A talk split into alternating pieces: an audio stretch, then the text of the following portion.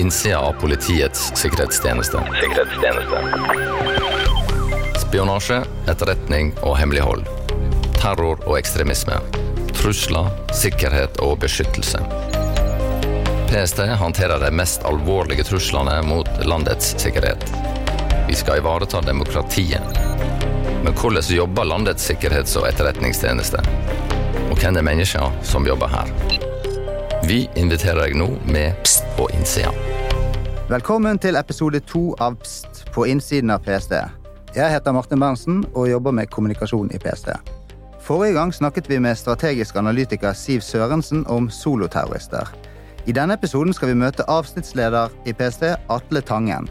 Han er statsviter. Han jobbet som dørvakt på Bergens karaokested nummer én på 90-tallet, nemlig Bullseye. Undertegnede torde aldri bevege seg inn dit. Jeg holdt meg mer i trygge omgivelser på høyden. Uansett, temaet i dag er ikke trussel i utelivet i Bergen, men trussel i det vi kaller det digitale domenet. Dagens tema er etterretning, nærmere bestemt digitale angrep. Da kan vi ønske god ettermiddag. Stortinget er utsatt for et omfattende IT-angrep. Det er registrert innbrudd på e-postkontoene hos stortingsrepresentanter og ansatte. Bortsett fra dørvaktskarrieren din, kan du fortelle litt mer om hva du har gjort siden studiedagene dine, og ikke minst hva du driver med i dag? Jo, takk for det, og takk for introduksjonen, eh, Martin. Jeg heter altså Atle Tangen, er 53 år, statsviter fra Universitetet i Bergen med hovedfag i sammenlignende politikk og en mastergrad fra London School of eh, Economics. Jeg har jobba i PST siden 2005, og tidligere har jeg jobbet i Forsvarsdepartementet med sikkerhetspolitikk og strategisk langtidsplanlegging. Tillegg så har jeg tjenestegjort for Forsvaret i internasjonale operasjoner på Balkan og i Afghanistan. Og I PST så har jeg i hovedsak jobba med kontraetterretning, og i det siste har jeg ledet PST cyberarbeid på seksjon for statlige aktører. Før vi gyver løs på digitale angrep, hva er det vi egentlig snakker om når vi snakker om etterretning? Og hva er egentlig forskjell på etterretning og ulovlig etterretning? Etterretning er jo når et land forsøker å få informasjon og kunnskap om hva som foregår i et annet land. Og som du sier, så pleier vi ofte å skille mellom lovlig og ulovlig etterretning. Og lovlig etterretning er jo selvfølgelig enkelt. Det handler om å lese avisa, følge med på nettet hva som skjer i et land, og det er jo selvfølgelig helt greit. Det som ikke er like greit, er det som går på ulovlig etterretning. Det er rett og slett å stjele og lure og bedra seg til hemmeligheter og sensitive opplysninger fra et land. Og Det skjer ofte gjennom å rekruttere menneskelige kilder, og gjennom enten betaling eller press eller andre måter eh, for å lure seg til på innsiden av disse menneskene. Og få de til å gi fra seg sensitiv informasjon om forhold i et land som er av interesse for et, eh, for et annet eh, land. Og like så vel mye som informasjonsinnsamling, så er jobben til eh, fremmede lands etterretningstjenester å, å, å drive påvirkning. Å påvirke politikere, beslutningstagere, opinionsdannere og politiske prosesser. Og dette er en del av det, det på en måte konglomeratet som handler om hvordan stater forsøker å påvirke hverandre. Hva er de ute etter? Ja, I PSTs ugraderte trusselvurdering så peker vi på flere sektorer. Og det første er jo politikk generelt. Politiske prosesser, innsikt i hva mm, partier og politikere tenker på og planlegger generelt. Nordområdespørsmål f.eks. er et politisk tema som alltid er av interesse for de som driver etterretning i og mot Norge. Petroleumsvirksomhet er et annet eksempel. Teknologiutvikling. Eh, Norge er et høyteknologisk land, og mange av de tingene som vi klarer å forske og jobbe oss frem til, er av interesse for, for andre, andre makter. Og sist, men ikke minst, forsvars- og sikkerhets- og beredskaps spørsmål vil alltid være av interesse for fremmede staters eh, etterretninger. Mm. Så Ofte snakker man om et skadepotensial, eller PST sier at her er det et stort skadepotensial. Eh, hva kan du si om det? Ja, av og til så kan det være litt vanskelig å sette konkrete kroner og øre på et, eh, på et skadepotensial. Fordi at virkningene, sånn vi ser det, er så langsiktige. Men jeg tror de fleste som lytter, forstår at det f.eks. å sitte på begge sider av et forhandlingsbord når Norge deltar i internasjonale eller bilaterale forhandlinger, det er ikke en god ting for Norge. Det bidrar ikke til at våre nasjonale interesser blir eh, ivaretatt på en god, eh, god måte. Ellers så ser vi at hvis noen stjeler disse teknologiene vi snakker om, så svekker det konkurranseevnen vår på, på sikt. Og dette er gjerne små drypp år etter år etter år, som på en måte årelater uh, vår evne til å, uh, til å tjene penger som land og ha god virksomhet og ivareta våre interesser. Mm. Veldig mye av dette skjer jo i det skjulte, og vi hadde jo en arrestasjon i 1984 blant annet, og vi hadde faktisk en arrestasjon nå for et uh, halvt års tid siden. Det som kan beskrives som en hva skal man si, klassisk uh, etterretningsaktivitet. Ja, det Eksempelet er veldig betegnende for det vi har snakket om nå. Eh, vi pågrep jo i sommer en person for å ha overlevert sensitivt materiale til en russisk etterretningsoffiser. Nå har ikke den saken vært oppe til doms ennå, men det var i hvert fall grunnlaget for pågripelsen. Mm. Så sier vi at uh, trusselbildet er i endring, eller etterretningstrusselbildet er i endring. Og vi har trukket frem cyberspace som en uh, alvorlig et, et sted hvor si, truslene skjer gjennom. Og jeg bare ser siste uken så har man hatt uh, dataangrep mot Østre Toten kommune, Aqua Group. Tidligere så vet vi at fylkesmenn har vært angrepet. Eh, Helse Sør-Øst for noen år siden var en storsak. stor sak. Eh, og vi hadde også det med Stortinget. Kan du si eh, litt om det? Stortinget er jo et veldig godt eksempel på akkurat det vi skal bruke mesteparten av tiden på å snakke om her i podkasten i dag. Og Der så vi jo et, et, stort og betydelig angrep på en viktig institusjon i Norge som, som understreker alvoret i, av, av trusselen i det digitale rom. Og Jeg tror jeg kan gå så langt til å si at, eh, at digital spionasje er den mest alvorlige, langsiktige etterretningstrusselen mot eh, Norge. Og ikke bare det, men digital spionasje i og mot Norge har de seneste årene fått et omfang og intensitet som jeg tror jeg kan si langt overstiger tradisjonell eh, spionasje. Og det er kanskje ikke så rart, hvis vi tenker på det vi snakket om tidligere. Eh, dette med menneskebasert etterretning, dette med å lure uh, mennesker til å gi fra seg sensitiv informasjon, det vi kaller UMINT på, på, fagspråket, det er en krevende og langsiktig prosess. Det tar lang tid å kultivere noen for at de gjerne vil gi fra seg den type informasjon. Det koster mye penger, og skadepotensialet for eget land, hvis dette blir avdekket, kan også være stort. Slik er det ikke i det digitale domenet med digital eh, spionasje og, og etterretning. Der kan man skru på et stort volum, som vi så i Stortinget-saken, hvor, eh, hvor, både Stortinget og mange andre virksomheter ble berørt. Eh, man får god effekt av det, får informasjon over til seg ganske enkelt og greit. Og skadevirkningene for eget land, konsekvensene for eget land av å bli oppdaget, ser ut til å være ganske små. En annen ting som var ganske unikt med angrepet på Stortinget, var at både regjeringen og vi gikk offentlig ut og mente at det var Russland som sto bak angrepet. Eh, og da tenker jeg sånn, Var det vanskelig å finne ut at det var russerne som sto bak? Nei, det syns jeg ikke at eh, jeg kan si at det var. Vi brukte riktignok litt tid for å etterforske og undersøke, slik at vi skulle være helt sikre på at det var riktig og at det ble gjort på korrekt måte. Men denne, denne, aksjonen var bråkete, den omfatta mange virksomheter, mange land ble utsatt. Det var veldig tydelig at det var russisk militær etterretning, eller GRU, som sto bak, med hackergruppen APT28 eller Fancy Bear. Og jeg kan bare si at Det er sikkert mange av lytterne som ikke er så kjent med disse navnene, men alle disse statstilknyttede hackergruppene har gjerne den type kallenavn. Mm. Det, har du noen eksempler nå på stående fot på, i utlandet? Nå har vi nevnt noen eh, norske angrep.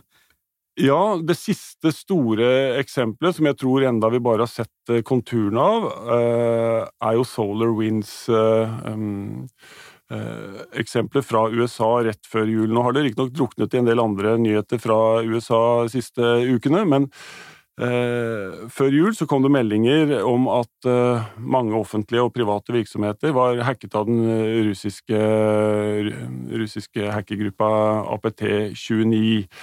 Da understreker at det var meldinger i media, da. Og, og vi kjenner ikke saken utover det, men eh, dersom det stemmer, så er denne APT29-gruppen en gjeng som har vært på ferde i Norge flere ganger tidligere, og vi PST fortalte bl.a. for tre år siden om hvordan de hadde forsøkt å hacke Arbeiderpartiets stortingsgruppe, Forsvaret, flere andre, inkludert PST, faktisk.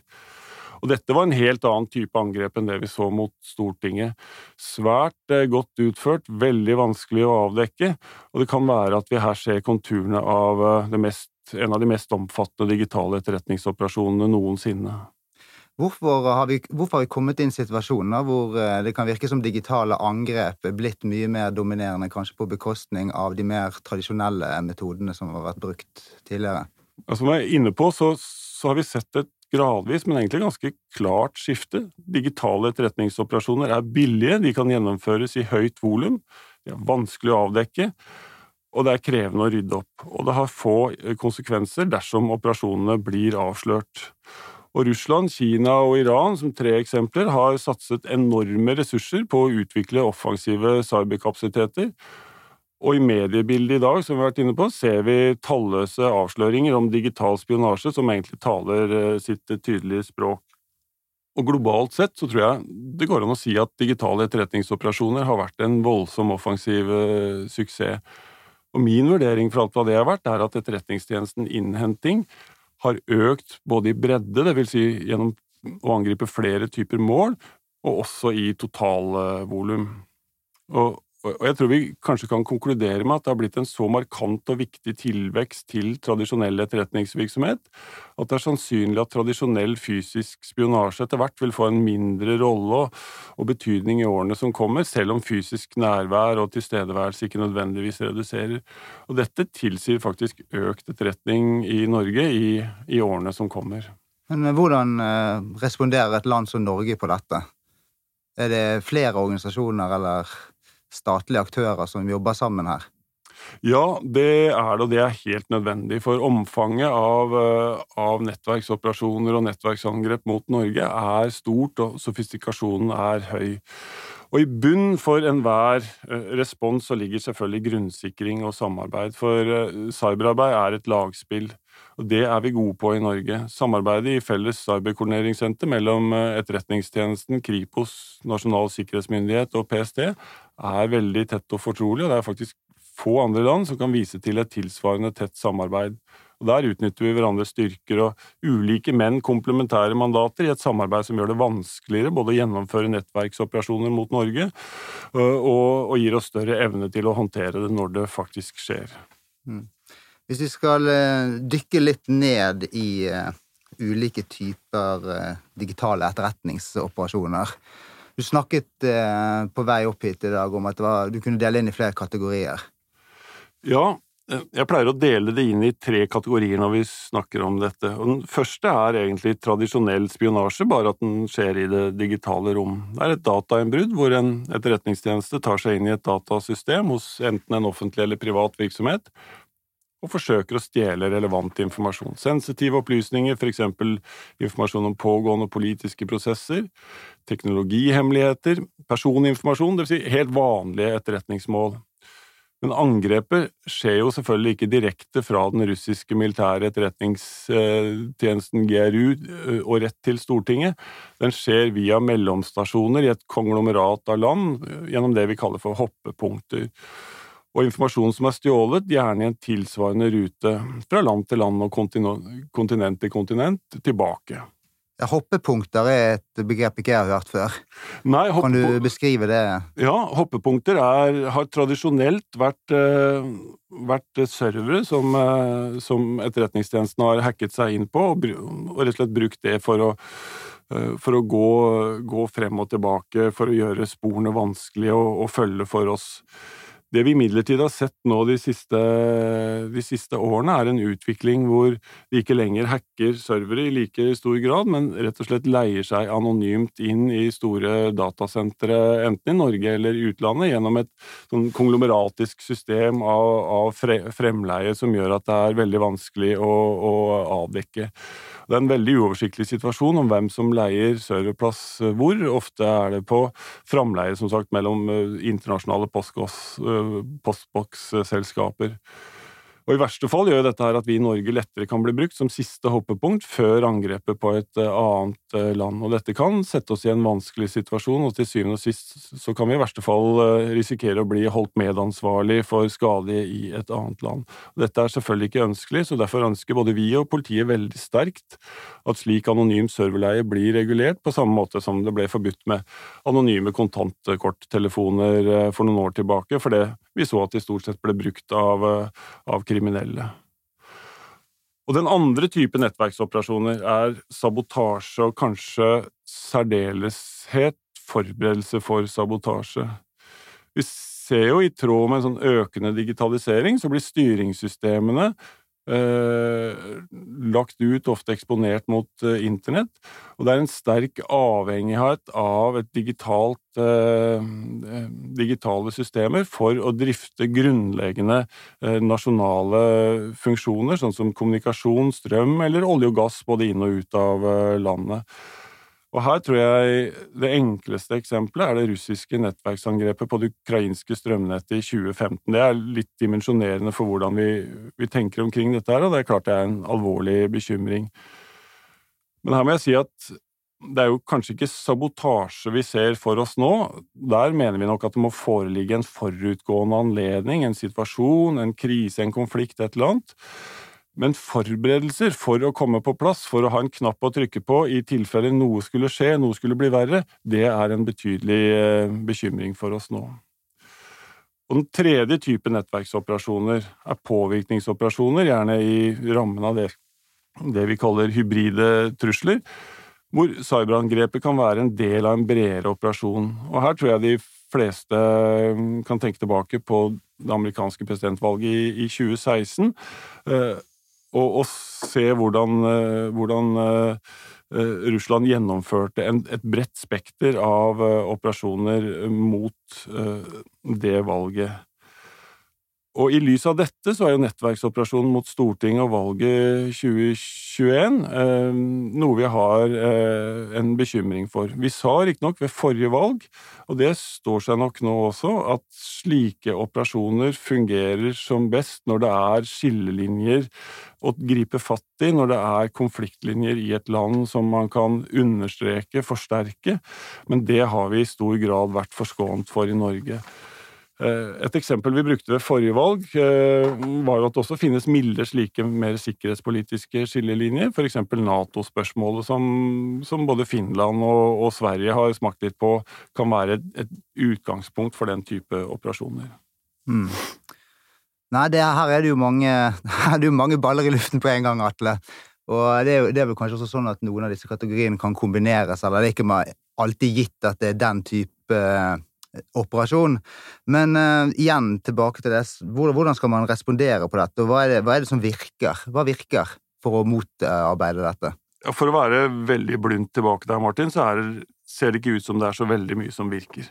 Uh, og Hvis vi holder oss innenfor det som er etterretning i det digitale rom, holder oss unna den folkerettslige diskusjonen om hva som skal til for at et cyberangrep skal kunne sammenlignes med et væpnet angrep fra en stat til en annen, så ser det ut til å være fire hoved tilnærminger til hva man kan gjøre med, med, med cyberangrep. Og det første er å gjøre ingenting mot de som står bak den digitale spionasjen. Utover det å rydde opp, eh, forbedre sikkerheten og minske sjansene for at det skjer igjen. Og dette er vel det de fleste land, inkludert Norge, har pleid å gjøre.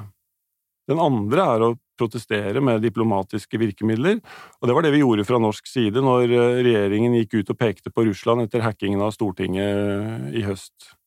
I tillegg så har man sett internasjonalt at det har blitt brukt ulike diplomatiske tilleggstiltak, og den mest kjente er kanskje utvisningen av 35 russiske diplomater fra USA, som et svar på de russiske operasjonene mot presidentvalget i 2016.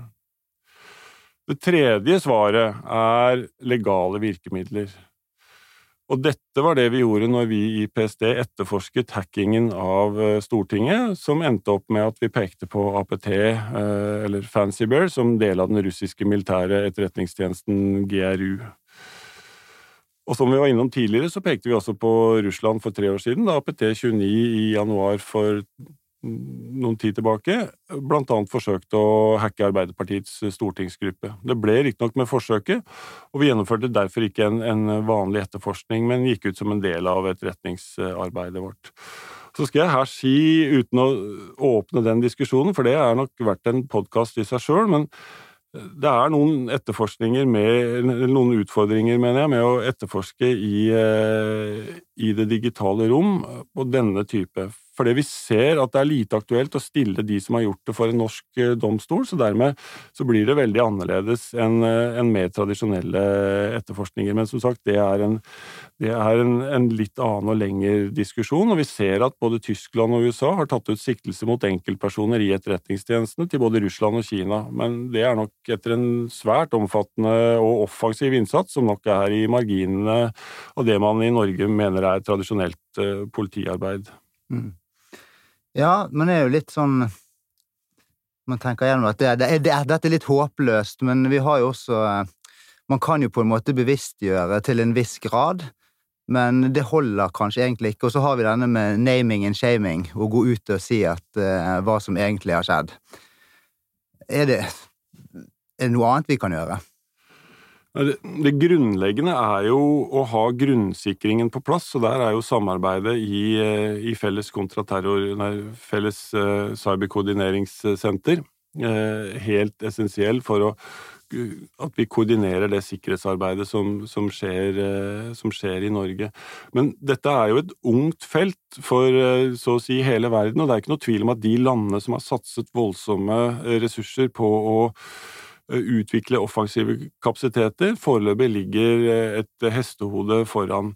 Eh, og så er det både tekniske biter i dette, med at man kan forbedre sikkerheten og gjøre grep teknisk, men så er det også slik at, at vi ender opp med, med å forholde oss til en del av de eksemplene som, eh, som, jeg gikk gjennom tidligere, gjennom å se på er det, kan vi bruke etterforskning, kan vi, eh, kan vi respondere politisk, bør flere land slå seg sammen? Jeg tror eh, disse diskusjonene er det ganske mange land som eh, har, eh, har for tiden. Fra PSTs side så er vår, vår viktigste jobb å, å, avdekke og undersøke det som skjer, skjer, slik at vi kan gi god beslutningsstøtte til norske myndigheter, men også bore godt inn i, inn i enkelthendelser og avdekke og demonstrere, slik vi gjorde i, i forbindelse med Stortinget-angrepet. Mm. Hvis jeg skal prøve å oppsummere det du har sagt, så tenker jeg at eh, vi må ha flere tanker i hodet på en gang. Det må være et, eh, et samarbeid som på en måte kanskje er grunnfjellet. Og ellers så virker mye av det du sier, litt sånn it's no hope. Ja, det, er, liten tvil om at vi går en krevende fremtid i møte, men vi kan henge på noen refleksjoner på tampen her om, om, forhold som jeg tenker kommer til å prege eh, årene fremover eh, når det gjelder denne type eh, utfordringer. Og Det første er at volumet av digitale etterretningsoperasjoner mot Norge det vil øke. Både i bredde, og, altså i, i temaer, også i mengde. Det er så kosteffektivt, så nyttig, og uten særlig reelle konsekvenser. Og dette bildet vil forsterkes av tingenes internett som bare øker eh, angrepsflatene og mulighetene offensivt i årene som kommer. Det er det første. Og det andre er at alle kriser og konflikter, eller oppløp til det, som kommer i årene som kommer, vil ha til dels betydelige digitale elementer. Og dette kommer til å bli utfordrende for norsk krisehåndtering eh, og beredskap. For nok en gang så er det ofte slik at de offensive kapasitetene, det som truer oss, det som utfordrer oss, er mer utviklet enn de defensive. Og en helt siste refleksjon tror jeg er at eh, de fleste av oss i EOS-tjeneste kommer til å jobbe eh, på en eller annen måte innenfor det digitale domenet i løpet av ti års tid. Enten det er med nettverksoperasjoner som vi har snakket om i dag, eller det er med store datamengder og AI og maskinlæring. Jeg tror eh, du får siste ordet med disse ordene, og du er hjertelig velkommen tilbake ved en senere anledning. Neste gang skal vi snakke om den nasjonale trusselvurderingen som er like rundt hjørnet. Og da får vi besøk bl.a. av sjef PST, som skal fortelle litt om hvordan han tror 2021 vil utarte seg. Så da gjenstår det bare å takke for følget. Takk selv. Ser du noe, si noe. Men bruk sunn fornuft. Kontakt oss på pst.no.